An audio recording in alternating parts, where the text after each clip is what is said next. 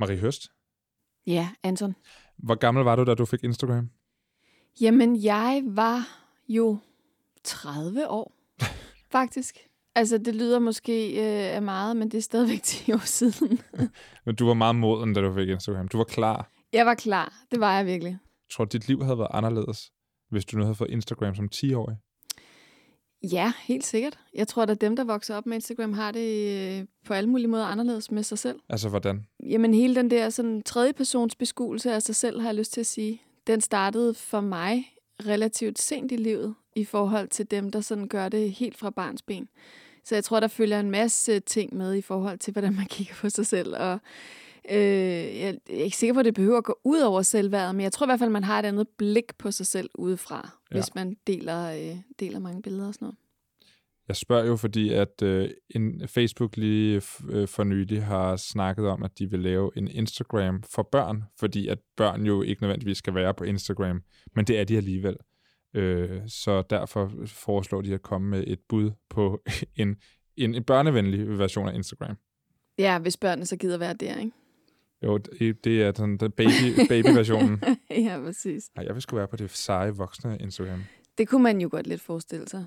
Øhm, I hvert fald den målgruppe, som rigtig meget er på Instagram, som er de her 10, 11, 12-årige. De, de gør det jo også for at imitere voksenliv, tænker jeg. Det tror jeg desværre også. Nå, men det skal vi i hvert fald tale om i dag. Marie Høst, øh, bliv lige siddende, så laver jeg lige en intro til programmet. Det er i orden.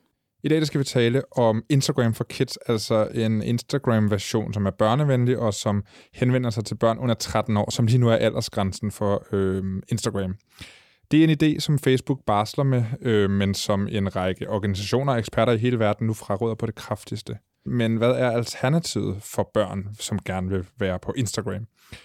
Fordi børn er jo allerede på Instagram, øh, så er det ikke okay smart med en børneversion, der måske er mindre farlig. Det taler jeg med Katrine K. Pedersen om. Hun er øh, ekspert i digital kultur og forfatter til bogen De Digitalt Udsatte, som netop handler om digital børne- og ungdomskultur. Derudover så taler jeg med Camilla Mielsen, som er digital medieekspert og talsperson for børns vilkår, hvor hun arbejder med børn og unges digitale liv. Have you heard of the Q? The what? QAnon? What had started in an online forum had crawled out from behind the screen to the seat of power, all with the help of a single letter. and we're gonna win big. You just watch. Det her, det er lyden af en dokuserie, der hedder Q Into the Storm, som handler om QAnon og følger mændene bag 8chan, 8kun, hvor øh, QAnon altså ikke startede, men i hvert fald voksede op. Øh, manden bag dokumentarserien hedder Colin Hoback, og han har siden 2017 fulgt Frederick Brennan, øh, som stiftede 8chan, samt Ron og Jim Watkins, altså søn og far, der overtog og videreførte 8chan under navnet 8kun. Altså, dokumentaren er et ret interessant indblik i øh, menneskerne bag øh, nogle af de allergrimmeste hjørner af internettet, og måske ovenikøbet øh, menneskene bag Q. Øhm, men altså, spørgsmålet om den tager fænomenet QAnon alvorligt nok, det har jeg talt med Julie Hårup fra Soundvenue om. Og til sidst, bare lige som en afslutning, så taler jeg med Maja Kalke Lorentzen fra Cybernauterne om International Rape Day, som angiveligt skulle falde den 24. april, men som heldigvis, spoiler alert, bare er et internet-hoax skabt for at forvirre og skræmme, og øh, ja, bare for at gå viralt. Øh, det er til sidste programmet. Det her, det er All Caps. Mit navn det er Anton Gade Nielsen. Velkommen til. Marie, du skal også lige præsentere os ordentligt. Du er jo min kollega her på Enigma og vært på Loud-programmet Vi er Data, som handler om teknologi og altså alt det bag ved skærmen på en eller anden måde, og hvad det, hvordan det påvirker os som mennesker. Ja, det er meget korrekt. Altså mulighederne og bekymringerne Ja. ved teknologi, kan man sige. Og udover det, så har du en søn. Ja. Er han på Instagram? Nej, det er han ikke. Altså, hans, øh, hans onde mor har ikke vil have, at han kom på sociale medier, før han, han blev den rette alder, Ja. faktisk. Så det har jeg holdt ham fra. Han må heller ikke være på TikTok. Hvad er den rette alder? Jamen, jeg synes, der er rigeligt i hans liv med sådan, at han, han gamer, ikke? Han er Ja. en dreng. jeg har lyst til at sige, det er ret kønsopdelt, det der. Øhm, så han, han gamer vildt meget, og han chatter med alle mulige på Discord og sådan noget. For nylig er han kommet på Snapchat. Okay. Nå, det var pænt af dig. Ja, det har jeg, det har jeg så. Der slap jeg tøjlerne helt vildt. Du er tryg nok ved Discord alligevel. Ja, nu er jeg ikke, når du spørger på den måde. Det kommer jo an på, hvem, hvem han er i kontakt med på Discord. Nej, det er jo lige præcis det. Det er jo rigtig meget at tjekke hans kontakter, og så hedder de alt muligt grineren, øh, mærkelige navne, og så skal jeg sidde og finde ud af, hvem det, hvem det er, der er bag de mærkelige navne, og det er dem fra hans klasse. Så du holder øje. Jeg holder øje, ja. Ja.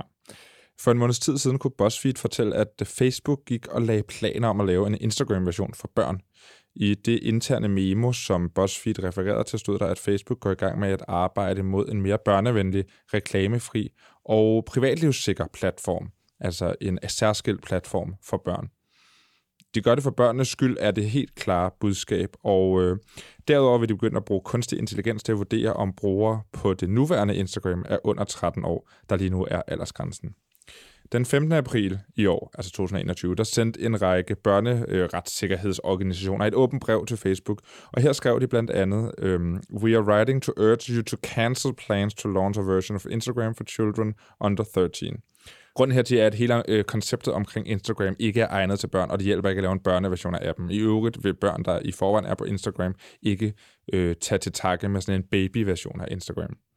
Jeg har talt med Camilla Melsen, som er digital medieekspert øh, og arbejder med børn og unges digitale mediebrug. Hun er talsperson på området for børns vilkår, og øh, vi har talt om, hvordan de ser på ideen om et Instagram til børn under 13 år, og den kritik, ideen har fået. Camilla Melsen, hvad, øh, hvad tænker du sådan umiddelbart om en version af Instagram, som er henvendt til børn under 13 år? Mit børns vilkår er vi lidt usikre på, hvad det vil sige at lave en platform, altså at Facebook vil lave øh, et Instagram øh, til børn øh, under 13 år. Vi har jo ikke hørt særlig meget om, hvad det er, som de mere øh, konkrete planer er for, for Instagrams side.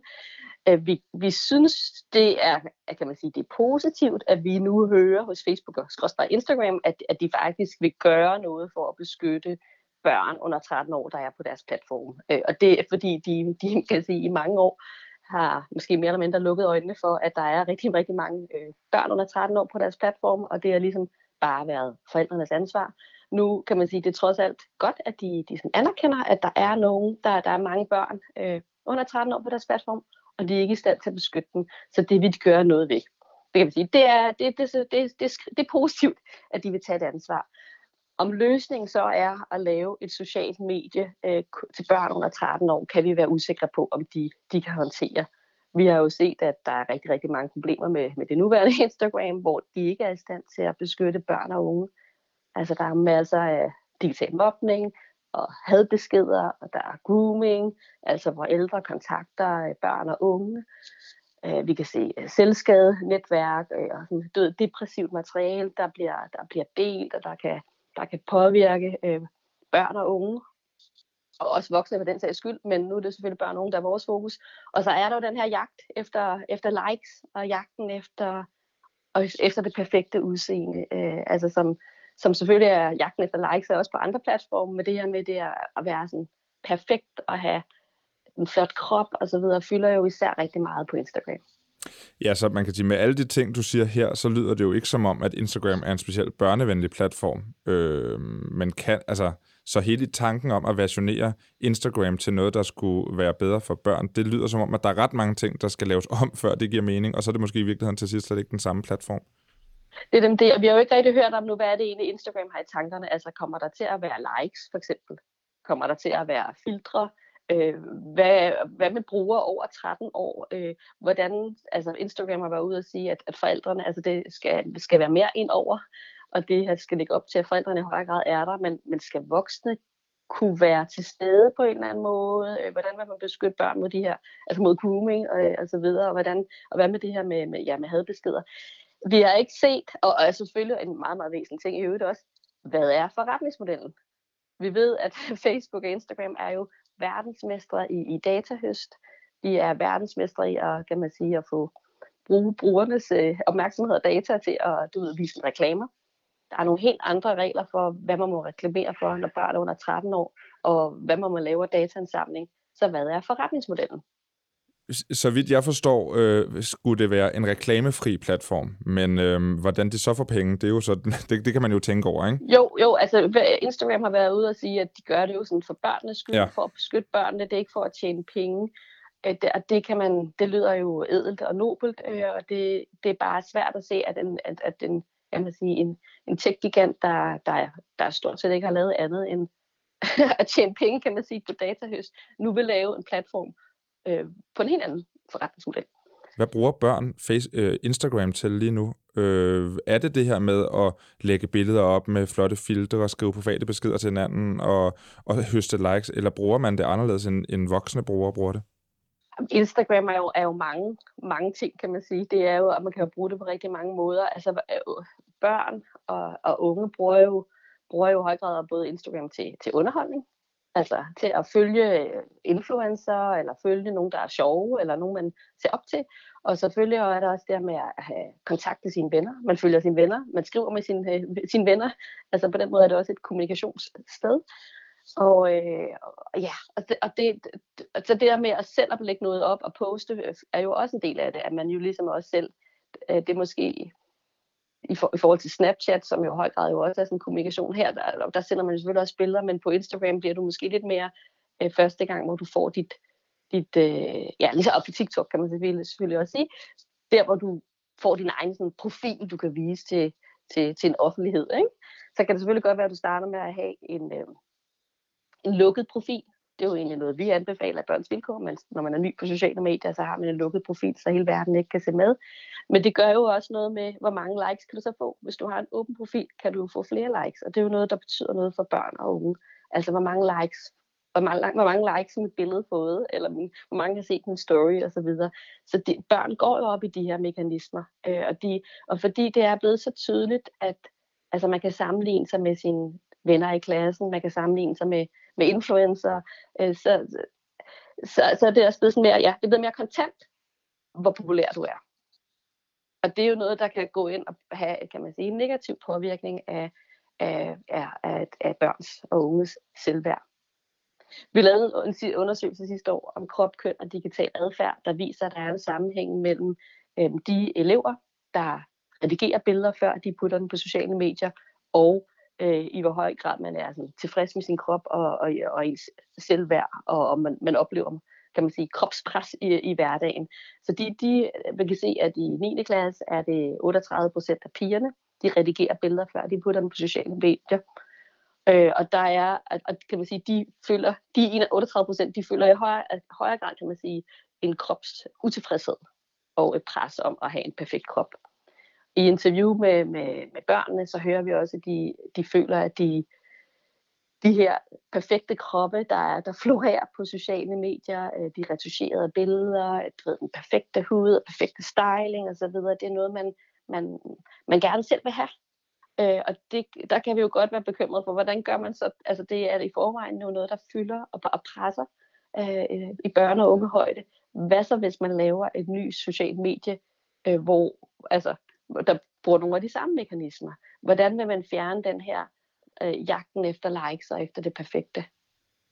Ja, og det er nogle af de ting, som du fremhæver her, er også noget af det, der fremhæves i den kritik i det her åbne brev, som den her række børneorganisationer har, øh, har sendt direkte til Facebook, og, og det er jo det her med, jamen altså, ringere mental velvære, mindre selvtillid, mindre glæde, øh, risiko for mobning, øh, og så det, du nævnte før med sådan noget seksualisering, øh, grooming, og altså, de, så også, de snakker om dårligere søvn, selvmordsrisiko, alle de her ting. Ikke? Det, det er jo nogle problemer, som der er øh, på sociale medier, altså generelt og ikke specifikt på Instagram.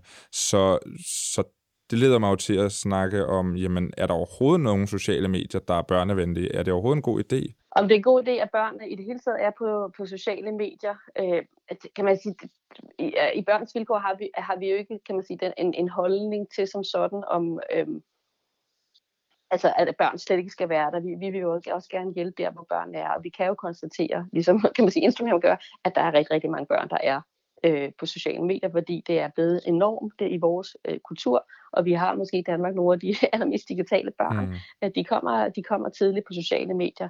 Øh, der er det jo rigtig vigtigt, at vi, øh, altså at vi, vi, vi tager et bredt ansvar. Altså det er ikke kun af børnene, der så kan sejle deres egen sø, kan man sige, på sociale medier, at forældrene er inde over. Øh, men vi kunne faktisk rigtig godt tænke os, at de sociale medieplatforme siger højt, at de ikke er egnet til børn under 13 år, hvis det er det, de mener for det gør de slet ikke i dag. Og det tror man faktisk kan gøre en forskel på, hvornår det er, lidt sige, de her aldersgrænser, hvornår det er, man normen begynder med, hvornår man skal være på sociale medier. Og de skal også gøre det lidt mere besværligt at, at tilmelde sig. Det er jo utrolig nemt at tilmelde sig, altså eller få en profil på en social medie, øh, og i øvrigt også i, på mange gaming-platforme, ikke? at det er utrolig nemt øh, at oprette sig. Man skal bare lyve om sin alder, og så er det det. Og så har, kan platformen ellers sige, så det er ikke vores problem længere, nu er det for jer forældre, værsgo. Og det, det er jo ikke nok. Altså, det derfor, vi ønsker os faktisk, at platformen, hvis de ikke synes, det her, det, det kan vi ikke, det kan vi ikke tage ansvar for, så må de jo gøre noget øh, ved det. Så må de gøre det mere besværligt, at man, man kan oprette sig som, som barn.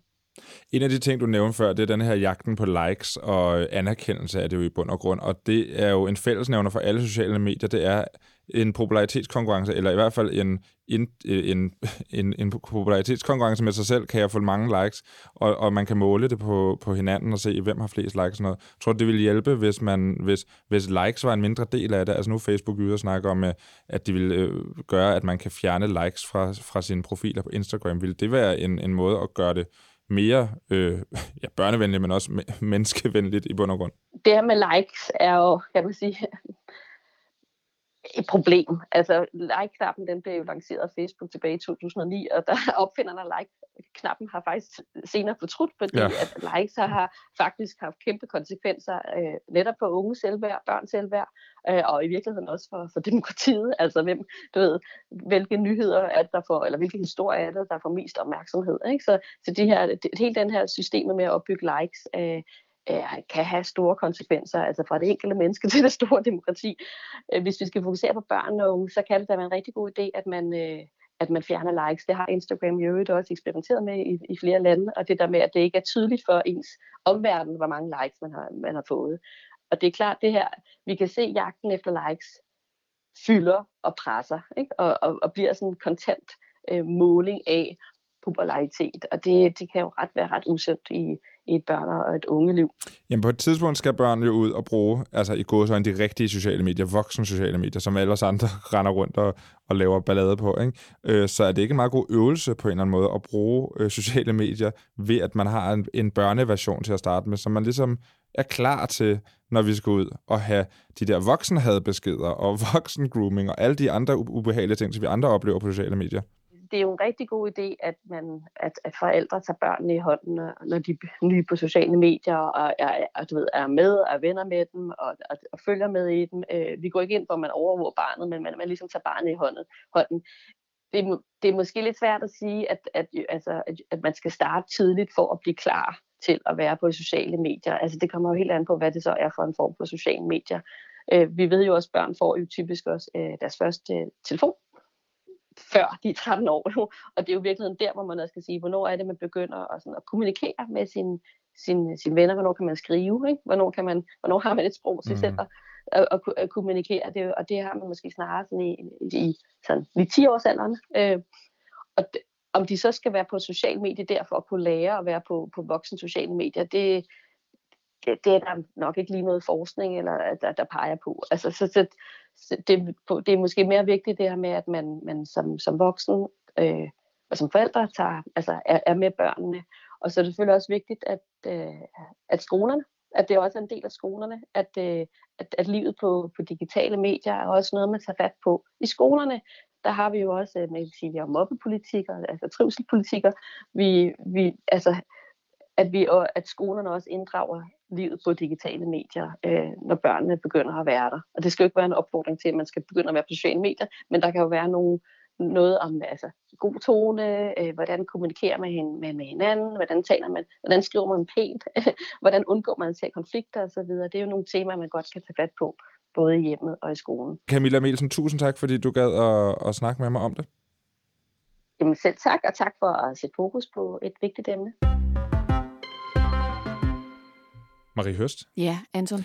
Øhm, synes du, der mangler et eller andet alternativ til de her øh, sådan tech-giganternes platforme, altså øh, Facebook, Instagram, YouTube, TikTok? Ja, det synes jeg da i høj grad at gøre. Jeg synes bare, det er en kæmpe udfordring at lave noget, som er lige så, øh, hvad kan man sige, tiltrækkende og tiltalende. Også øh, ikke kun for børn, men også for voksne, som er alternativer til det her. Men jeg synes bestemt, at det, det er en udfordring, man skal tage op det er heldigt, fordi det har jeg nemlig talt med Katrine K. Pedersen om, altså netop det her med, øh, hvorfor er Instagram ikke for børn, men også, hvad kan man gøre? Øh, hvilke alternativer kunne der være til det i stedet for? Katrine K. Pedersen er forfatter til bogen De Digitalt Udsatte og ekspert i digital børne- og ungdomskultur. Hvad er det første, du tænker på, når jeg siger Instagram til børn? Øh, det første, jeg tænker på, det er, at øh, det har vi efterhånden fundet ud af, at øh, det er ikke en super god cocktail, sociale medier og børn. I hvert fald ikke, som de ser ud på nuværende tidspunkt. Og hvad, hvad fortæller det dig, at man øh, ser nu her en masse øh, sådan nogle børnerets- eller børnehjælpsorganisationer, der siger fra over for denne her idé til, altså direkte til Facebook? Man kan sige, vi har jo sådan set, historien har vist allerede nu, at øh, de initiativer, som for eksempel Google, YouTube for Kids og Messenger, også Facebook, har jo også før lanceret øh, en platform, som øh, kun er målrettet til børn, at det faktisk ikke har været nogen øh, super god idé. Mm. Øhm, jo, ideen er jo faktisk god. I teorien kan vi jo alle sammen blive enige om, at det er jo faktisk et, et, øh, et det er jo absolut positivt, at man ønsker at udvikle noget, som i højere grad er målrettet børn, end et sted, hvor alle øh, har adgang. Jo særligt også fordi, at det er jo faktisk ulovligt at være på de nuværende platforme, når man er under 13 år. Øhm, grunden til, at, øh, at der er så stor kritik af det, det er jo også fordi, at selve konstellationen af et socialt medie øh, har også vist sig at have haft nogle uheldige påvirkninger, ikke bare af børn som individer, men jo også af børnefællesskaber. Øhm, der er en lidt anden opmærksomhed omkring det her i USA. Altså det er jo faktisk sådan, at der er social status forbundet med ved at forholde sig kritisk til det her, måske en dag engang slet ikke at lade sine børn anvende de her øh, platforme, som i og for sig er for voksne. Øh, jeg har sågar, øh, kan jeg huske på et tidspunkt, jeg havde et samtale, jeg havde en, en samtale med en, en kvinde, som er ansat hos Apple. Øh, hendes dreng på daværende tidspunkt 10 år, vidste simpelthen ikke, hvad YouTube var for en okay. størrelse. det, er vildt nok. Øhm, så på den måde kan man sige, at vi er ret langt bagefter i Danmark, fordi vi først er begyndt stille og roligt at forstå, at der faktisk er nogle konsekvenser ved at øh, slippe vores børn fri på øh, det internet, som vi kender som www, og de platforme, hvor vi stort set alle sammen mødes.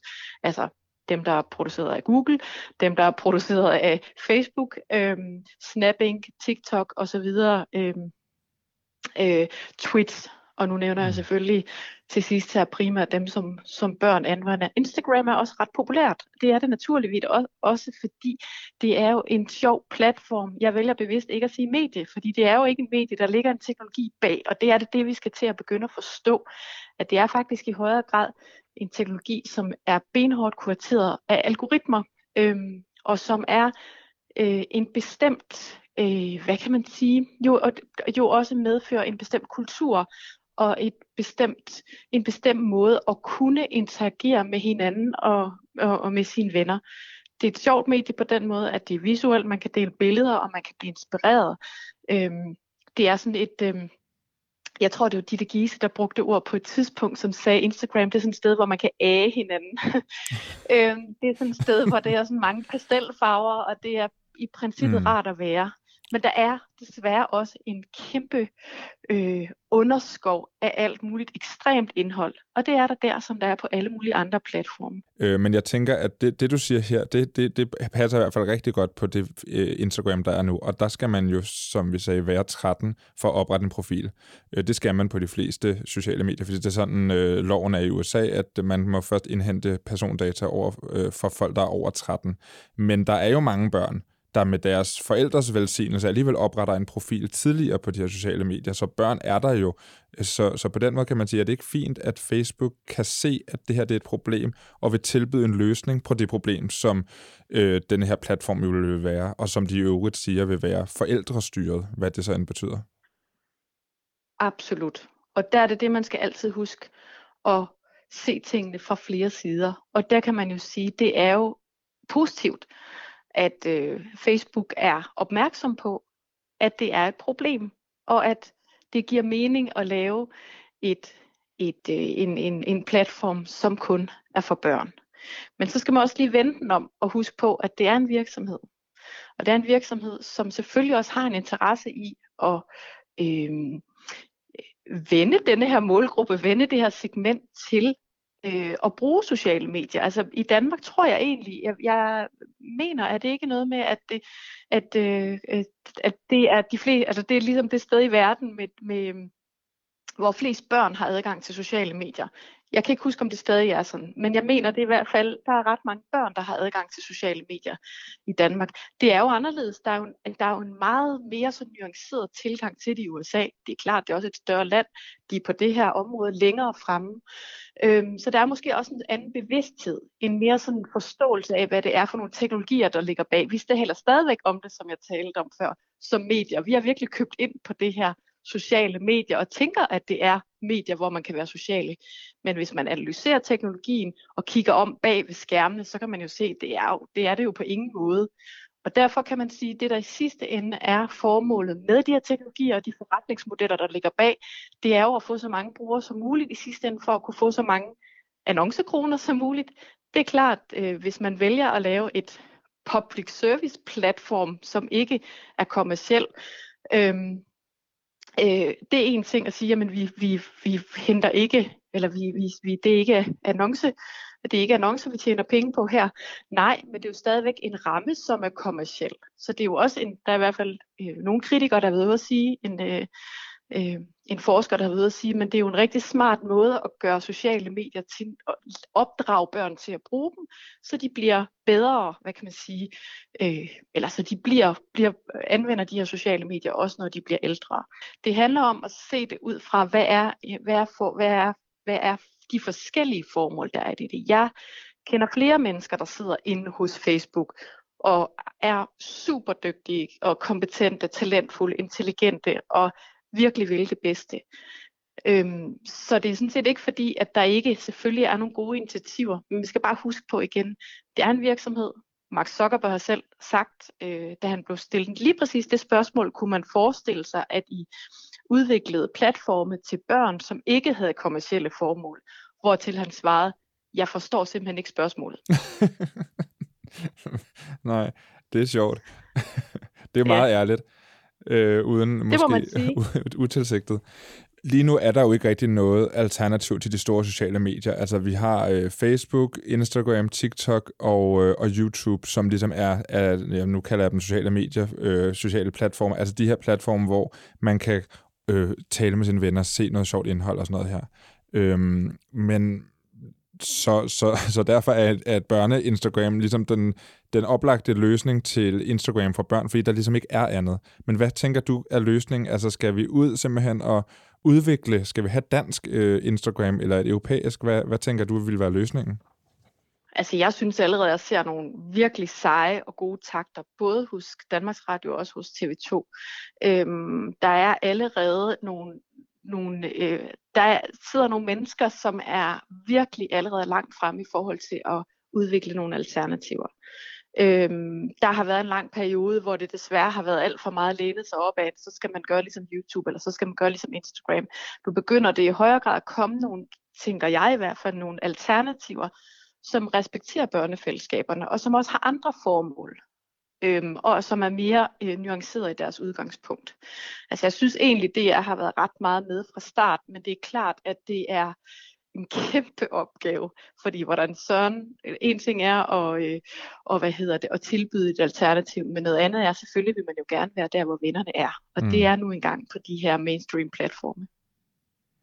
Så, øh, så vi, vi, som du siger, så har vi jo set eksempler på, at Danmarks Radio prøver at udfordre det her med, at forældre sætter deres børn for en YouTube ved at øh, udvikle det her mini for de mindste, som, som altså i, i deres... Øh, i deres lancering af det faktisk talte om det her. Jamen, det er, for, det er et alternativ til, at man bare ligesom trykker shuffle på YouTube Kids, og så, så kan børnene sidde og kigge på det. Så det er det, er det her med, at, at medierne tager ansvar og begynder at oprette noget, som ikke bare læner sig op af, eller i virkeligheden hægter sig på sociale medier, men laver deres egne, øh, som man jo har set øh, tidligere. Altså både, i hvert fald på DR har der jo været sådan nogle platforme, hvor man kunne oprette nogle brugere og skrive med andre børn. Er det sådan noget her, vi, du tænker kunne være en løsning på det? Og så, ja, selvfølgelig bliver det svært at få folk derover måske, men det må så være det næste skridt. Men det er helt klart, det der er løsningen, det er jo at gå i gang med innovation og stole på, at der er en lang tradition for, altså jeg er sikker på, at øh, der er andre, der kan svare på det spørgsmål, som Zuckerberg han simpelthen ikke kunne svare på. Der findes jo netop andre, andre muligheder end, end, øh, end, øh, end noget, som handler om, om marketing og, og salg. Øhm, og det må man sige, vi har en lang tradition med i Danmark, og det gør mig super glad, at der er nogen, der tager den og faktisk ønsker at være mere, hvad kan man sige, at træde ud af sådan den der lidt gammeldags og reaktionære tilgang, hvor vi bare kigger på det her som, nå jamen det er sociale medier, børn er der, vi må heller også bare være der. Det, der kommer til at ske inden for de nærmeste jeg vil næsten sige fem år, det er, at der kommer en meget mere øh, fokus på regulering, der kommer, en meget mere, der kommer meget mere fokus på rettigheder, på barnets tag, og lige nu der er det noget værre rod, og der er en masse ting, der er ulovlige. Og det er jo klart, at øh, det er da de voksne, der skal hjælpe med at og, og, og øh, hjælpe børnene derhen, på de legepladser, der giver mening, og på, i, hvor, som kan skabe en god ramme omkring de fællesskabsværdier, vi, alt, vi ellers har i vores samfund, og som vi værner om, for eksempel i vores øh, daginstitutioner og i vores folkeskoler. Så jeg tror virkelig på, at vi er på vej et spændende sted hen med udviklingen lige nu. Lad os følge med og se, hvad der sker, og så må, øh, ja, som du siger, så må de voksne ligesom tage ansvaret for styringen, i stedet for, at det er de sociale medier, der, der lige nu kører med klatten. Tak, Katrine ja. K. Pedersen. Selv tak.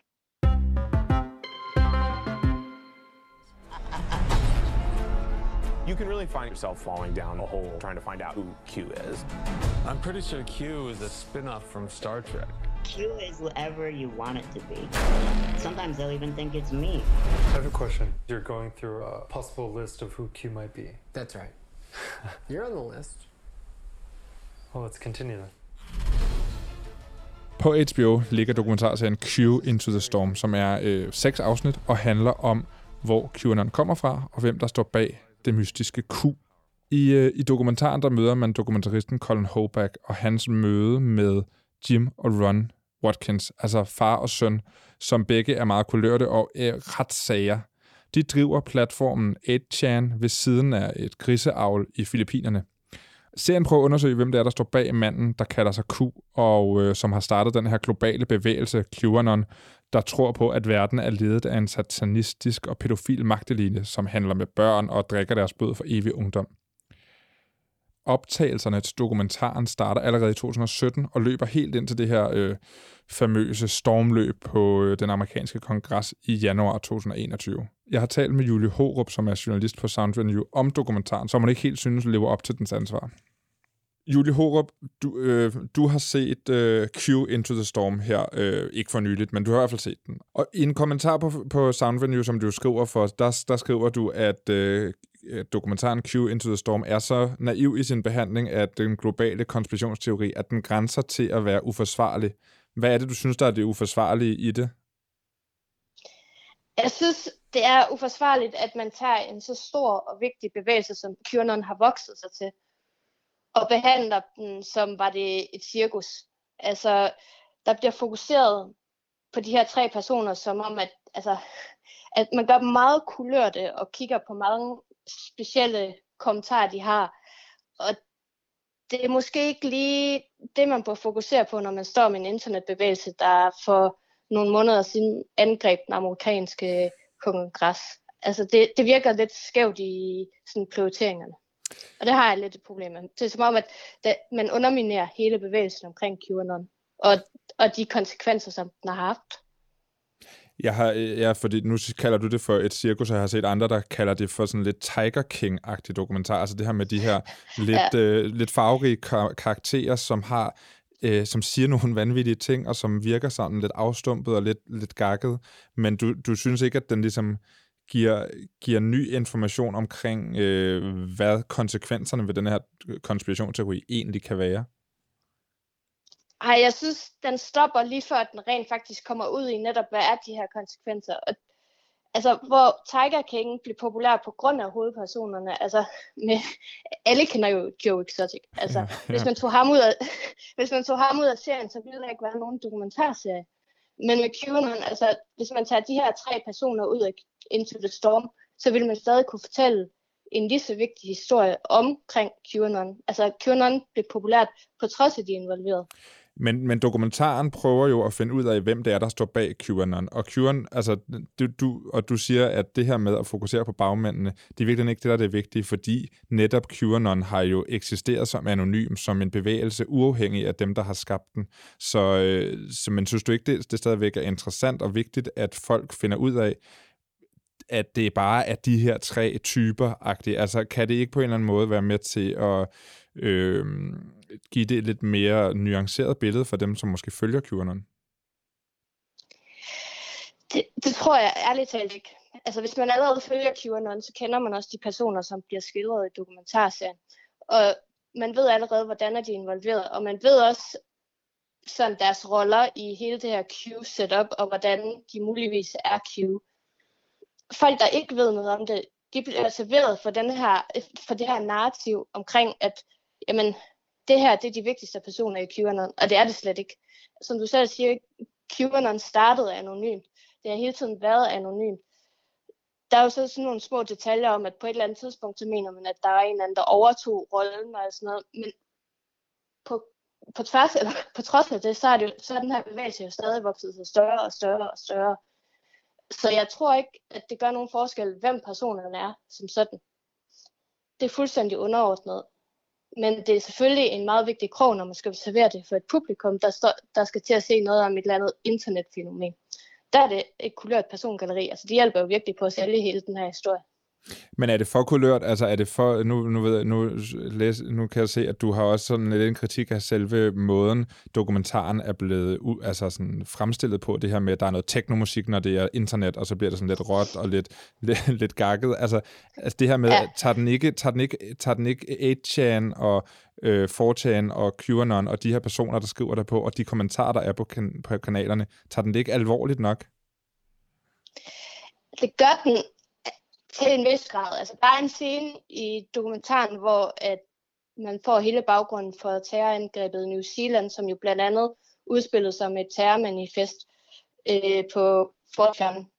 Øhm, og den scene er, altså den rammer en lige i solar plexus. Og det er netop fordi, den tager det hele seriøst. Altså den fremstiller, hvordan brugerne på Fortran, på Etjern, hvor groteske de kan være. Men når man så samtidig kombinere det med Ron Watkins og Jim Watkins, der er det her gakkede personligheder. Altså som om man sætter sådan to helt direkte modsætninger op for hinanden, og på en eller anden måde spiller det ud mod hinanden, hvor man til sidst ikke rigtig ved, hvad man skal tage seriøst, og måske endda kommer i tvivl om, jamen, altså, hvor alvorligt er det her egentlig? Nu, nu ved du jo en masse ting om QAnon i forvejen, og, og, øh, og om de her tre hovedkarakterer i den her dokumentar. Men hvis man nu slet ikke ved noget om QAnon, og sætter sig til at se den her dokumentar, vil man så få noget ud af det, tænker du? Det vil man helt sikkert, fordi den, den gør trods alt et godt arbejde med at fortælle, hvordan kan QAnon overhovedet starte på internettet, og, og trækker lange spor tilbage til hackergruppen Anonymous og Gamergate, som jo var en kæmpe kulturkrig for snart et årti siden, og hvordan mekanikker for alle de her begivenheder har kunne starte et fællesskab på internettet og give, give dem en form for strategi, som, som de bare har haft uovertruffen succes med. Mm. Så på, den, på det punkt, så giver det et okay indblik i det, men det er en skærm, at det så kører over i det her persongalleri, hvor tre personer ligesom tager første prioriteten frem for en historie omkring en bevægelse, som langt fra er, er færdige. Altså, det kan godt være, at de har mistet momentum efter det her angreb i USA, men man skal ikke tro, at QAnon er, er ved at dø ud. Og heller ikke selvom, at dokumentarfilmen måske, måske ikke ender med at afsløre, hvem er Q. Altså, der er stadig, der, der er stadig gang i den her gruppe, så at sige. Hvis du nu selv kunne bestille en dokumentarserie om QAnon, Hvad, hvad, hvad, hvad, fordi jeg synes jo, jeg, jeg, jeg kan jo godt se, hvad du mener, og jeg, jeg synes jo, den her er øh, interessant sådan, rent arkeologisk på en eller anden måde i forhold til Q og i forhold til hele den her bevægelse. Men jeg vil give dig ret i, at jeg synes heller ikke, at den, den bringer ikke på den måde noget nyt til bordet, og den kommer ikke rigtig i dybden med, hvad det er, øhm, QAnon har betydet for rigtig mange mennesker. Men hvis du selv skulle få lov til at bestemme, hvad en QAnon-dokumentar skulle lave, du behøver ikke selv at lave den, du behøver ikke selv at betale den, du skal bare bestille. Hvad, skulle, hvad vil du så foretrække, at man ligesom fokuseret på? jeg vil nok altså, helt klart stadig have historien med, øh, som Into the Storm jo også gør fint, og forklare, hvad er baggrunden for alt det her. Men så også samtidig gå videre og sige, jamen, hvilke konsekvenser har, har det haft det her? Fordi en ting er, at vi ved, at det har resulteret i et angreb i USA, og at, det har, at der var en masse tumult omkring præsidentvalget, fordi at Donald Trump hentede mange af sine støtter i en væsen. Men så, måske skulle man også lige gå videre og se, hvilke konsekvenser har det haft for dem, der har været en del af det, som måske så er kommet ud igen, og nu kan se, at det her det er jo helt sindssygt. Altså, hvilke konsekvenser har det for vores samfund og for vores hverdag, at en internet, internetbevægelse kan tage sin spæde skridt på internettet, og så bevæge sig ud i den virkelige verden og have virkelig alvorlige konsekvenser. Og også, hvad kan det betyde for os om to, tre, fem, ti år? Altså, fordi, hvad bliver det næste? Bliver det mm. her, bliver det vildere? Altså, hvad, det, der mangler noget perspektiv på det, og lidt overordnet overblik omkring det, synes jeg. Men lige her til sidst, øh, vil, du, øh, vil du anbefale folk at se den? Øh, godt nok med, med lidt mere kritiske briller, men vil du anbefale, at man ser den her dokumentarserie?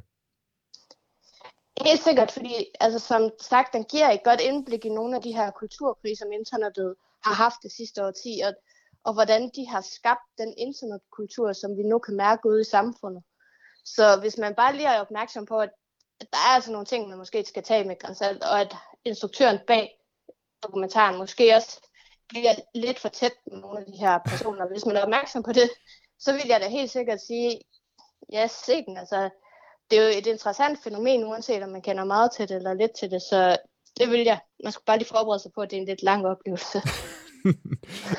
føler, du dig, føler du dig overbevist om, hvem Q er, efter du har set den? Ja, til, til en vis grad. Altså, og det er jo der, hvor det bliver sådan lidt komplekst, og der, hvor hvis man allerede er meget inde i det, så ved man også godt, at der var på et tidspunkt, hvor det højst sandsynligt skiftede, hvem ja, der var og sådan ja. noget. Men, men jeg vil sige, dokumentarseriens konklusion rammer nok egentlig meget godt. Ja. På et tidspunkt i hvert fald. Og det er uden at spoil for meget af ja. dokumentarserien. For det er, også, det er jo det, der, der fænger ved den. Det er, altså for dem, der ikke kender noget til Q og sådan noget, der er der en vis forløsning i det sidste afsnit. Ja, det må man sige. Nå, men det er jo, altså, det er jo en ret god reklame faktisk for en dokumentar, du er en lille smule ja, kritisk trods alt. ja. Julie Håb, tusind tak øh, for din analyse og din kommentar på, øh, på Q Into the Storm. Selv tak. Marie Høst, du er her stadig? Jeg er der stadig. Det er godt. Altså, Julie Hårup siger jo, at QAnon har vokset sig større end sådan karakteren Q, som skulle stå bag det hele, ikke? den her mytiske figur, og at det for så vidt er ligegyldigt, hvem der oprindeligt stod bag, for nu er bevægelsen blevet så omsaggribende, at det fuldstændig har løsrevet sig, og øh, på en eller anden måde fuldstændig uafhængigt af Q. Øhm, og det er jo rigtigt. Altså, det er der jo, en, øh, det er der jo ovenikøbet en ny undersøgelse, der bekræfter. For nyligt så udkom der en rapport fra amerikanske SUFAN Center, som er sådan nogle, som undersøger nationale sikkerhedstrusler. Og de fortæller, at hver femte af i alt øh, omkring 166.000 QAnon-relaterede Facebook-opslag mellem januar 2020 og februar 2021, altså lidt over et år, ikke? Ja. Det, øh, det kommer fra øh, det, de kalder for oversøiske administratorer, altså øh, folk fra øh, Kina og Rusland, som sidder og skubber QAnon-indhold på sociale medier. Ja, det er den her informationskrig, der er i gang lige nu, lader det til. Ja. Det er, øh, når man sidder og læser, når man sidder og læser artiklen, så synes jeg, det er lidt interessant samling af fjender. USA har så der. Altså ja, der er også Saudi-Arabien. Der er nemlig også Saudi-Arabien og Iran indover. Ikke? Jo. Jeg ved så ikke, om de har koordineret deres angreb, eller om de bare alle sammen har fået den geniale idé, at, at uh, se efter et, uh, hvad kan man sige, storm på kongressen, at det kan da være et meget godt sted at puste, hvis man ønsker, at uh, USA skal destabiliseres. Ja, altså hvis man kan se udefra, at okay, USA er lidt splittet nu, der er rigtig mange amerikanere, der tror på det her ret sindssyge konspirationshalløj. Skulle vi ikke lige puste til den ild? Ja, men lige præcis. Altså, og, og, og på den måde prøve at splitte det lidt mere. Det, altså, det giver jo øh, god mening, hvis man skal se det igennem øh, øjnene på nogen, der gerne vil USA det ondt. Fordi det har jo i den grad øh, skabt kæmpe, kæmpe ravage. Altså, og det kan jo være svært at forstå, når man øh, hører tankerne bag. Altså, de satanistiske, bloddrikkende pædofile. Men ikke desto mindre. Men jeg synes også, det er interessant, at man lige pludselig også skal begynde at være sådan kildekritisk i forhold til, hvor konspirationsteorier kommer fra. Altså dem, som deler den her konspirationsteori, tror de i virkeligheden på det, eller gør de bare, øh, deler de det bare for at fuck med, med demokratiet i bund og grund? ja, men på en eller anden måde, så har det jo været sådan et stykke tid. Altså hvis man snakker 4chan, 8chan. Altså der sidder nogle mennesker på nettet og bare tænker, how can we fuck shit up? Ja. Altså. Ja, ja, som bare, som bare hopper med på en eller anden bølge, fordi hey, det griner, nu, nu kører lortet, nu skal vi være med på det her. Ja, hvad er det vildeste, vi kan finde på, som folk kan tro på, ikke?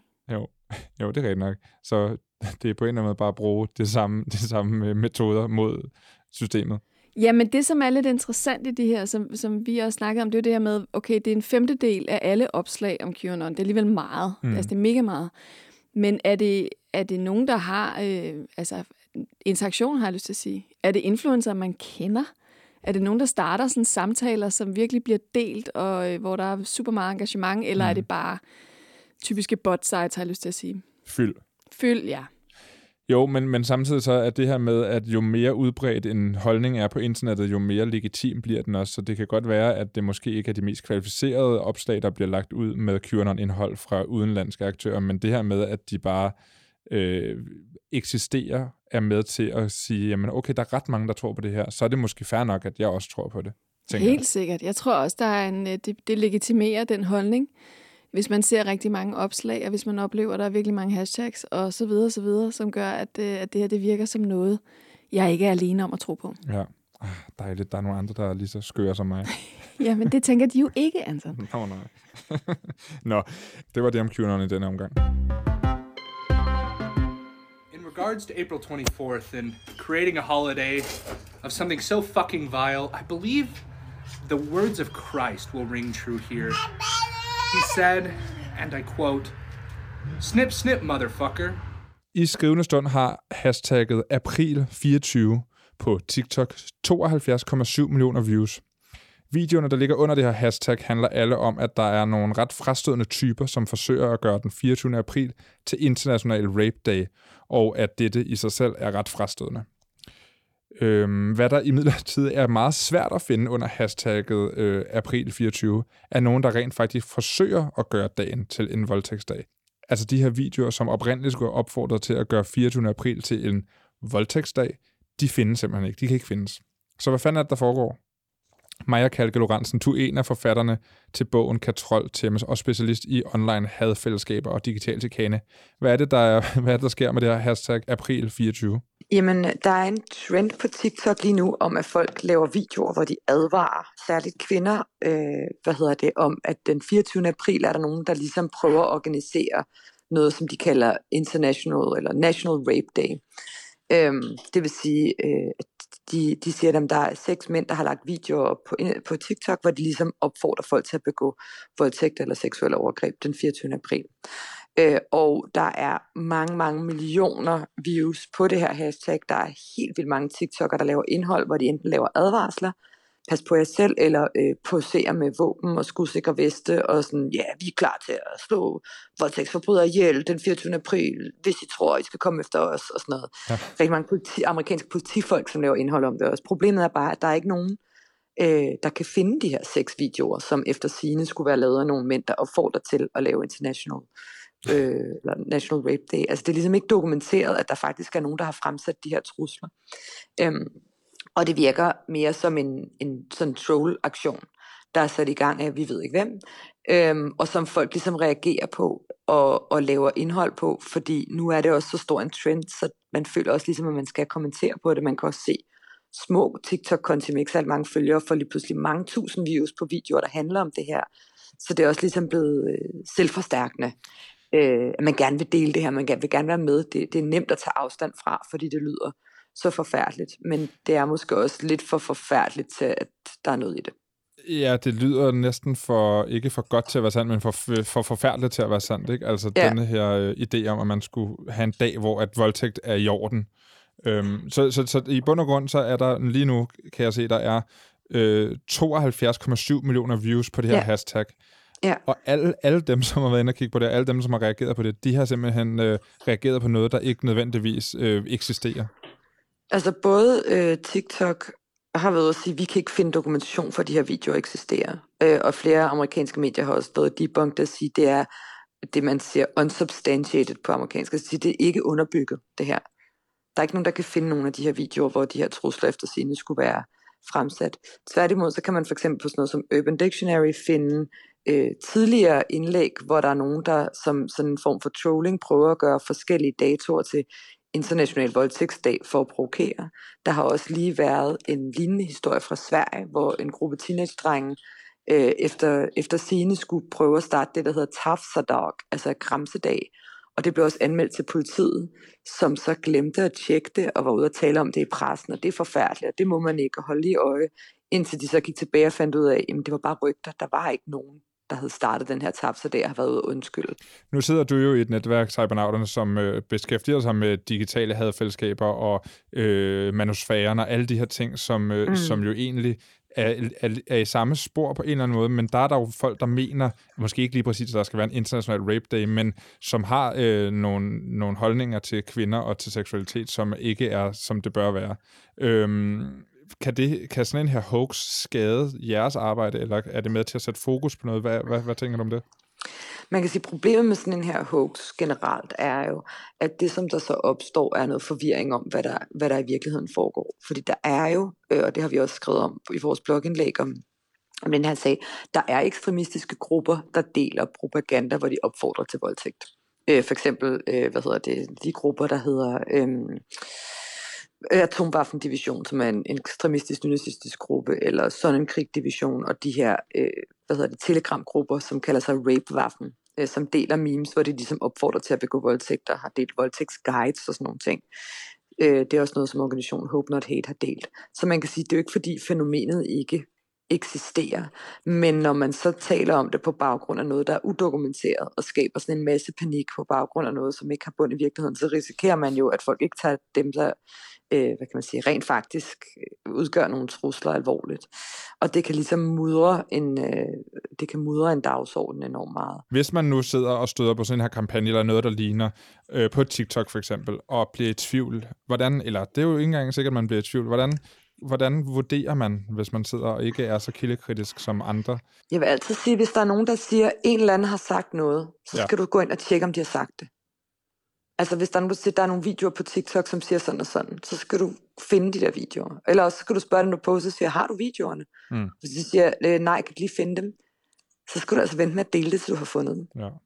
Altså det, du er simpelthen nødt til at se, øh, hvis, hvis, hvis, især når det er sådan nogle her ekstreme ting, hvis det ikke kommer fra et, et medie med nogle, hvad hedder det, med nogle uddannede journalister, som kan finde ud af at verificere deres ting, men det kommer fra en eller anden random TikTok-bruger, som du følger, og som skriver det uden at henvise til kilder, eller øh, hvor de har det fra, og du ikke kan finde det, så skal du altså lige lave noget mere gravarbejde, før du deler det. Det er et godt råd til, generelt til ting, man læser på generelt. Ja. ja, ja, og vi er alle sammen vildt dårlige til det, og jeg tror også, vi skal normalisere og fuck op på det her, og komme ja. til at dele noget, der er forkert, og sige undskyld. Fordi det, som man også kan se som en mekanisme, det er jo, hvis det her, øh, hvis vi ligesom finder the smoking gun, er der nogen, der har organiseret det her, øh, hvad er det egentlig, der er foregået, hvordan er det startet, så skal folk kunne ligesom ud og indrømme, at de tog fejl, og det er jo mm. enormt ydmygende, øh, at man har delt noget fake, så kommer man måske også til at holde mere krampagtigt fast i, at det er rigtigt, og måske er der en trussel, og måske, så vi skal også normalisere det her med, vi kan alle sammen komme til at falde for det. Der er mange, der er rigtig gode til at lave misinformation, og det er okay at fuck op, så skal man bare huske at gå ud og sige, hey, jeg, jeg tog fejl, jeg retter det lige. Øhm, fordi ellers så, så kan vi risikere at skabe en, en, en kultur, hvor det er for pinligt at indrømme, at man har lavet en fejl. Også et godt råd. Tusind ja. tak, Maja. Det var så lidt.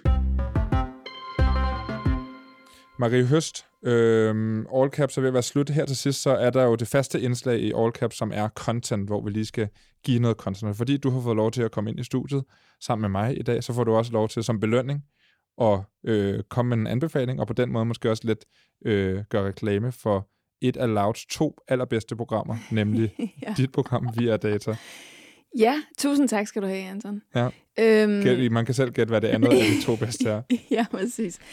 Øhm, jamen det, som jeg rigtig gerne vil anbefale, det er en bog, som jeg har læst for nylig, og som jeg blev meget, meget øh, begejstret for og optaget af, som hedder Clara og Solen, som er skrevet af den britisk-japanske forfatter, der hedder sådan noget, eller Katsuo Ishiguro.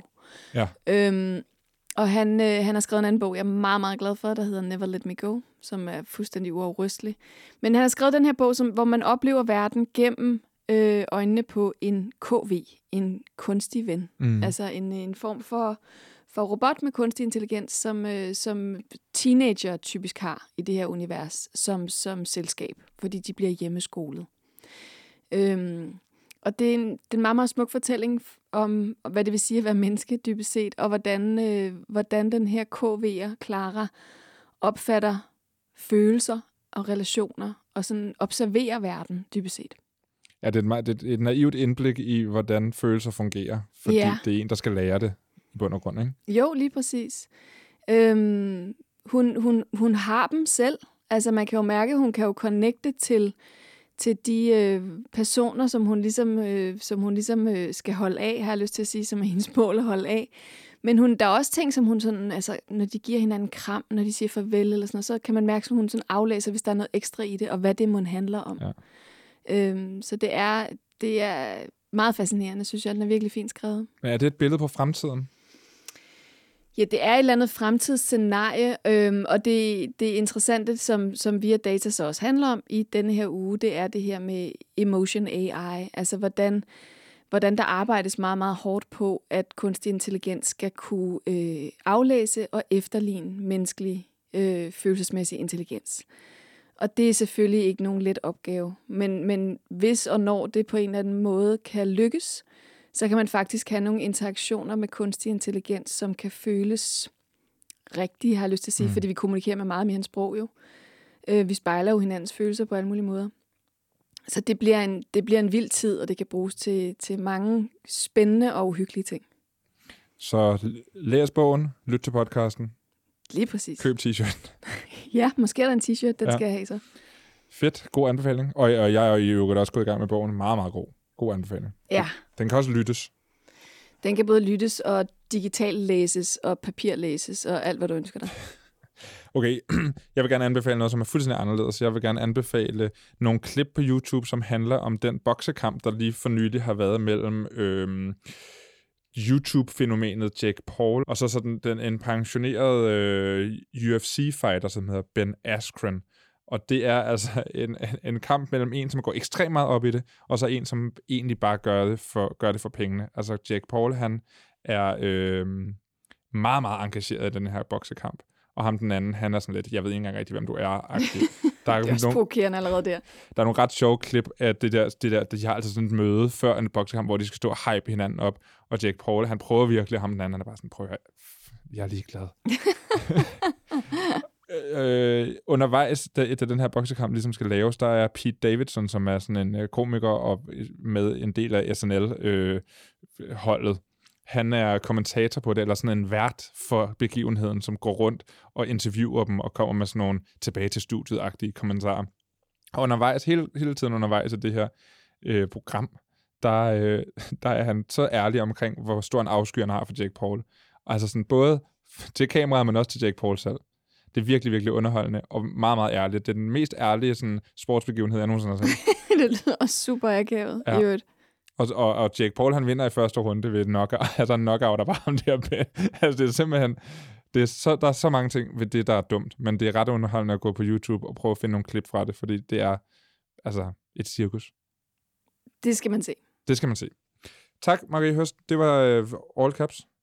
Jamen selv tak. Programmet er produceret på Enigma, Museum for Post, Tele og Kommunikation. I redaktionen sidder Marie Høst, som du lige hørte lige før, og mig, jeg hedder Anton Gade Nielsen. Vi ses.